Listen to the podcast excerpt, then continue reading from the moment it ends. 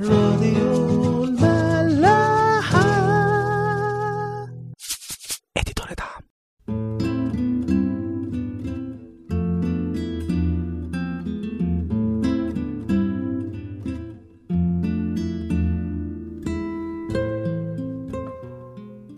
بعد 40 يوم صوم وعلاقة مستمرة مع الآب المسيح اتجهز للحرب وبدأت معاه من خلال الجوع.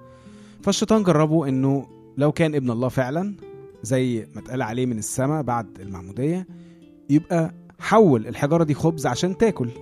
والمسيح رد عليه إنه لأ مش المفروض شهوة الأكل هي اللي تسوقني إنما كلام ربنا وإرشاده هو المفروض نعيش بيه. بعدها الشيطان بياخده لتجربة تانية. متى أربعة أعداد خمسة لسبعة. ثم أخذه إبليس إلى المدينة المقدسة وأوقفه على جناح الهيكل وقال له إن كنت ابن الله فاطرح نفسك إلى أسفل. لأنه مكتوب أنه يوصي ملائكته بك فعلى أيديهم يحملونك لكي لا تصدم بحجر رجلك. فقال له يسوع مكتوب أيضا لا تجرب الرب إلهك. كلنا عارفين القصة بس أنا حابب برضو إن إحنا نقراها تاني بالراحة عشان هنلاقي تفاصيل كتير لذيذة أوي. أول حاجة في عدد خمسة بيقولوا ثم أخذه إبليس إلى المدينة المقدسة وأوقفه على جناح الهيكل. أولا كده عشان كمان نتخيل أكتر التجارب دي كانت يعني ماشية إزاي. لازم نفهم إن الشيطان ما كانش بيظهر للمسيح بالشكل الساذج اللي إحنا بنشوفه في الصور. الشيطان آه، وحش أسطوري بقرون لونه بقى أخضر أو أحمر أيا كان. وبيجربوا كده عيني عينك وهو بيقول له حاجة فالمسيح بيرد عليه لأ. كل ده يعني صور. تخيلات. دي صورة تعبيرية مش واقعية. بدليل حتى سياق الكلام. يعني لو أنا المسيح وعارف إن ده إبليس آه، هتناقش معاه ليه؟ وهرد عليه ليه أصلا؟ ما اسيبه يتفلق والدليل بقى على الكلام ده بيبان في الآخر في آخر تجربة لما المسيح بيقول له صراحة اذهب عني يا شيطان. كان بقى نرجع للحتة اللي قريناها إنه لما نقول إنه اخذوا إبليس المدينة المقدسة وأوقفوا على جناح الهيكل ومذكورة في الانجيلين بنفس الشكل يعني متى ولوقا نفس الكلام. يبقى المسيح ساعتها مش عارف إنه ده إبليس والا ما كانش راح معاه. مش كده؟ ايا كان بقى إبليس اقتاد المسيح للمكان ده أو آه، اخذ سلطان معين إن هو ينقل المسيح للمكان ده زي اللي بيحصل مع الآباء السواح زي ما حصل مع إيليا في الكتاب. ايا كان بس المسيح كان بمنتهى السهولة ممكن من الأول كده يتثبت من السلطان ده فيمشي وراه بمنتهى البساطة. زي مين بقى؟ زي الحية كده بالظبط لما جربت حواء. حية بتتكلم وبتقول حاجات وبتقول ربنا قال لكم كذا و... سلطان. وفي نفس الغموض. هي إزاي الحياة بتتكلم؟ هو إزاي أخدني للمكان ده؟ سلطان مبهر. المسيح كان بيتعامل مع نفس العدو اللي حذرنا منه بولس في إفسس 6 عدد 12 فإن مصارعتنا ليست مع دم ولحم بل مع الرؤساء مع السلاطين مع ولاة العالم على ظلمة هذا الدهر. كل ده ماشي. ناس برضه ناس جامدة ماشي بس ناس. وبعدين يقول إيه؟ مع أجناد الشر الروحية في السماويات. لا ده موضوع كبير. أجناد الشر الروحية. وبقى في كورنثوس الثانية صح 11 عدد 14 بولس بقى بيكمل ويقول لنا معلومة كمان. يقول ولا عجب ما تستعجبوش. لأن الشيطان نفسه يغير شكله إلى شبه ملاك نور. الشيطان ممكن ياخد أي صورة ويعمل أي حاجة زي بقى ما ربنا يسمح له. نكمل. وقال له إن كنت ابن الله فاطرح نفسك إلى أسفل لأنه مكتوب أنه يوصي ملائكته بك فعلى أيديهم يحملونك لكي لا تصدم بحجر رجلك. هو إيه طموح المسيح؟ إيه أقصى أمانية يعني؟ مش إن الناس تآمن؟ أهو الشيطان بيقول له أو الصوت ده بيقول له إن كنت ابن الله زي ما اتقال لك بعد المعمودية هذا هو ابن الحبيب الذي به سررت خلاص بقى اثبت لكل الناس إنك فعلا ابن الله إيه مش مصدقني طب الكتاب بيقول كده مش ده كلام الله اللي أنت قلت لازم نعيش بيه في التجربة اللي فاتت ليس بالخبز وحده يحيى الإنسان بل بكل كلمة تخرج من فم الله أهو أدي كلام ربنا. وبيقول لك إن مش هيجرى لك حاجة. برضه زي ما الحية عملت بالظبط. إبهار وبعدين دافع قوي هتثبت للناس إن أنت ابن ربنا. وفوقيه كمان بقى إيه التغليفة دي كلام من الكتاب. عشان كده قبل بقى ما نشوف المسيح عمل إيه أو رد بإيه يعني لازم نحط الموضوع ده حلقة في ودانا وإحنا قلنا كذا مرة زمان وفي الحلقات اللي فاتت بالذات إنه مفيش أي حاجة هتثبت إن اللي قدامك ده من ربنا ولا من الشيطان غير حاجة واحدة الروح. ولا سلطان ولا الدافع النبيل ولا حتى كلام ربنا نفسه هو الروح. والكلام ده عشان إحنا ناخد بالنا إن إحنا نمتحن كل الأرواح زي ما الكتاب بيقول برضو وعشان إحنا كمان لما نيجي نقول كلام ربنا ممكن بسهولة قوي قوي نبقى بنقول كلام مش بتاع ربنا. مش من عند ربنا حتى لو هو من الكتاب. طيب سؤال عابر كده ممكن يجي في دماغنا. طب هو اللي ما عندوش روح قدس ده يعني خلاص كده راح في داهية؟ ما هو أي حد بقى يعدي يضحك عليه. والسؤال ال- اللي وراه هو كل اللي عنده روح قدس أو يعني متعمد خلاص كده هيعرف ربنا على طول الخط؟ السؤال ده كأنك يعني بالظبط كده بتسأل آه، هو كل واحد عنده عربية هيروح بيها اسكندرية؟ وهل لو ما عندوش عربية مش هيعرف يروح؟ يا جماعة الروح القدس أو المعمودية دي وزنه هدية عربية تحت البيت. من الآخر حاجة ربنا بيديها لنا عشان تسهل علينا. ونبقى في اتصال أقوى معاه. بس من غير معمودية ربنا بيكلم الناس برضه هياخدهم اسكندرية. لأن الروح برضه بيشتغل وبيحل على الناس. زي ما حل على ناس كتير قوي في العهد القديم ما كانش عندهم معمودية ولا أي حاجة. وكانوا بيتنبأوا وكانوا بيعملوا أعمال عظيمة. فلا أي حد طالب ربنا هيعرف يميزه. أي حد عايز يروح اسكندرية ربنا هيوصله. ادي دنيا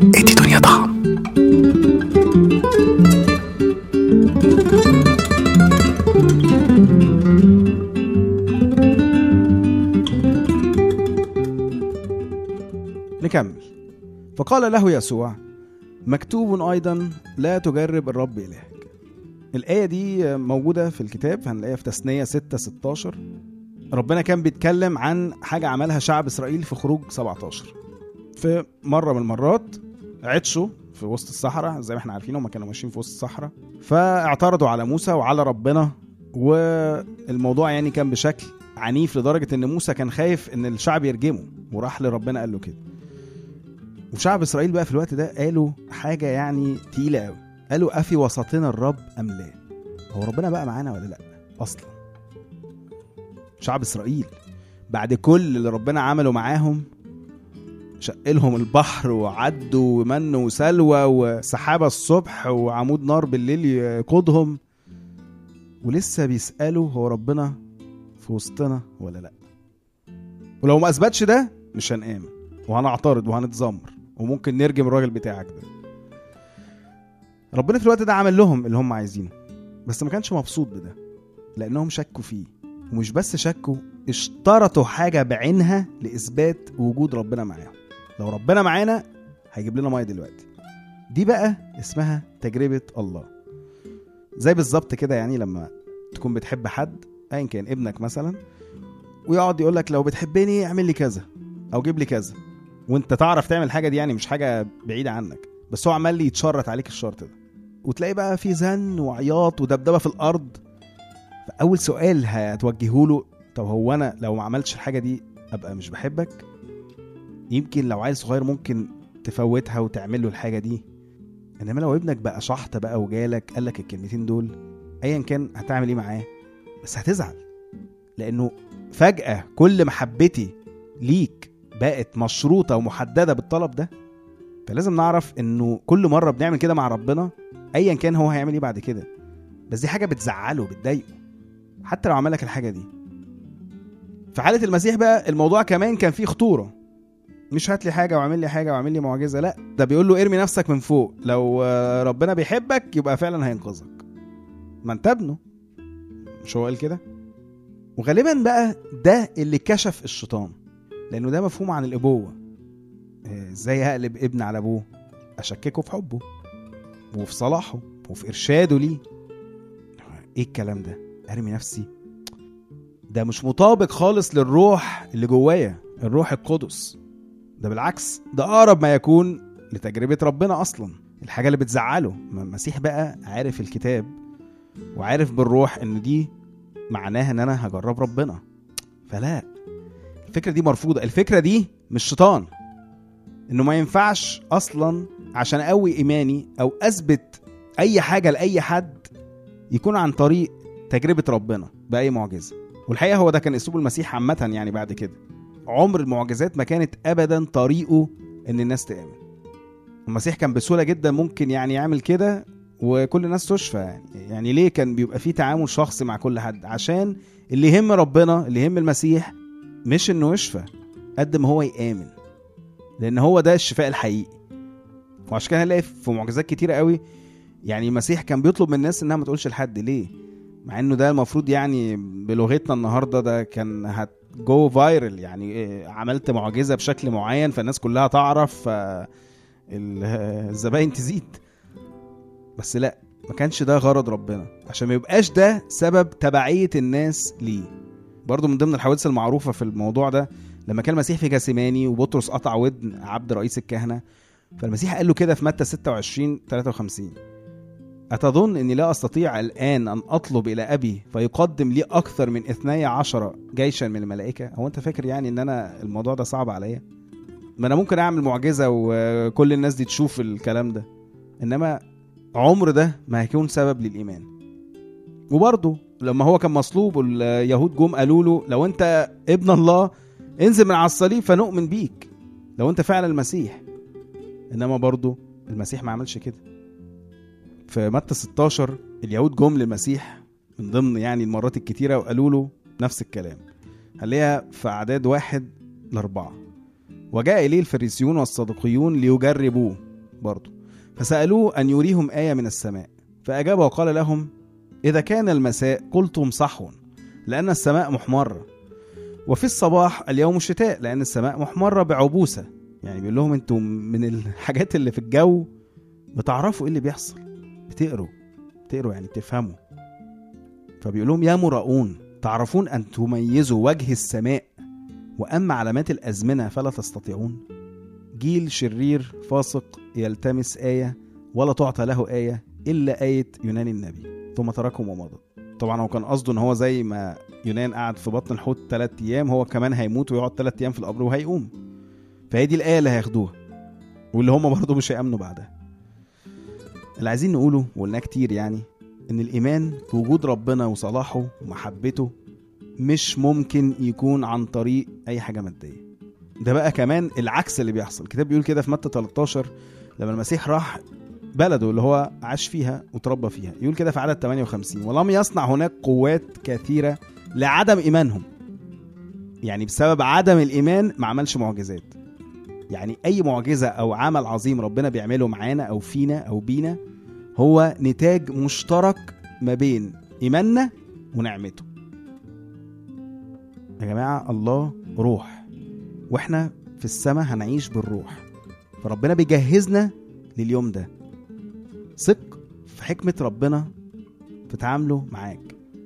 وإنه أي حاجة بيعملها أو مش بيعملها هي لخلاصنا وإننا نكبر فيه. ما تجربش ربنا بحاجة معينة في دماغك في وقت معين في دماغك. إنما جرب صلاح ربنا ومحبته وحكمته في الوقت اللي هو شايفه لأن هو عارف مصلحتك أكتر منك. نشوفكم الحلقة الجاية. Mm-hmm.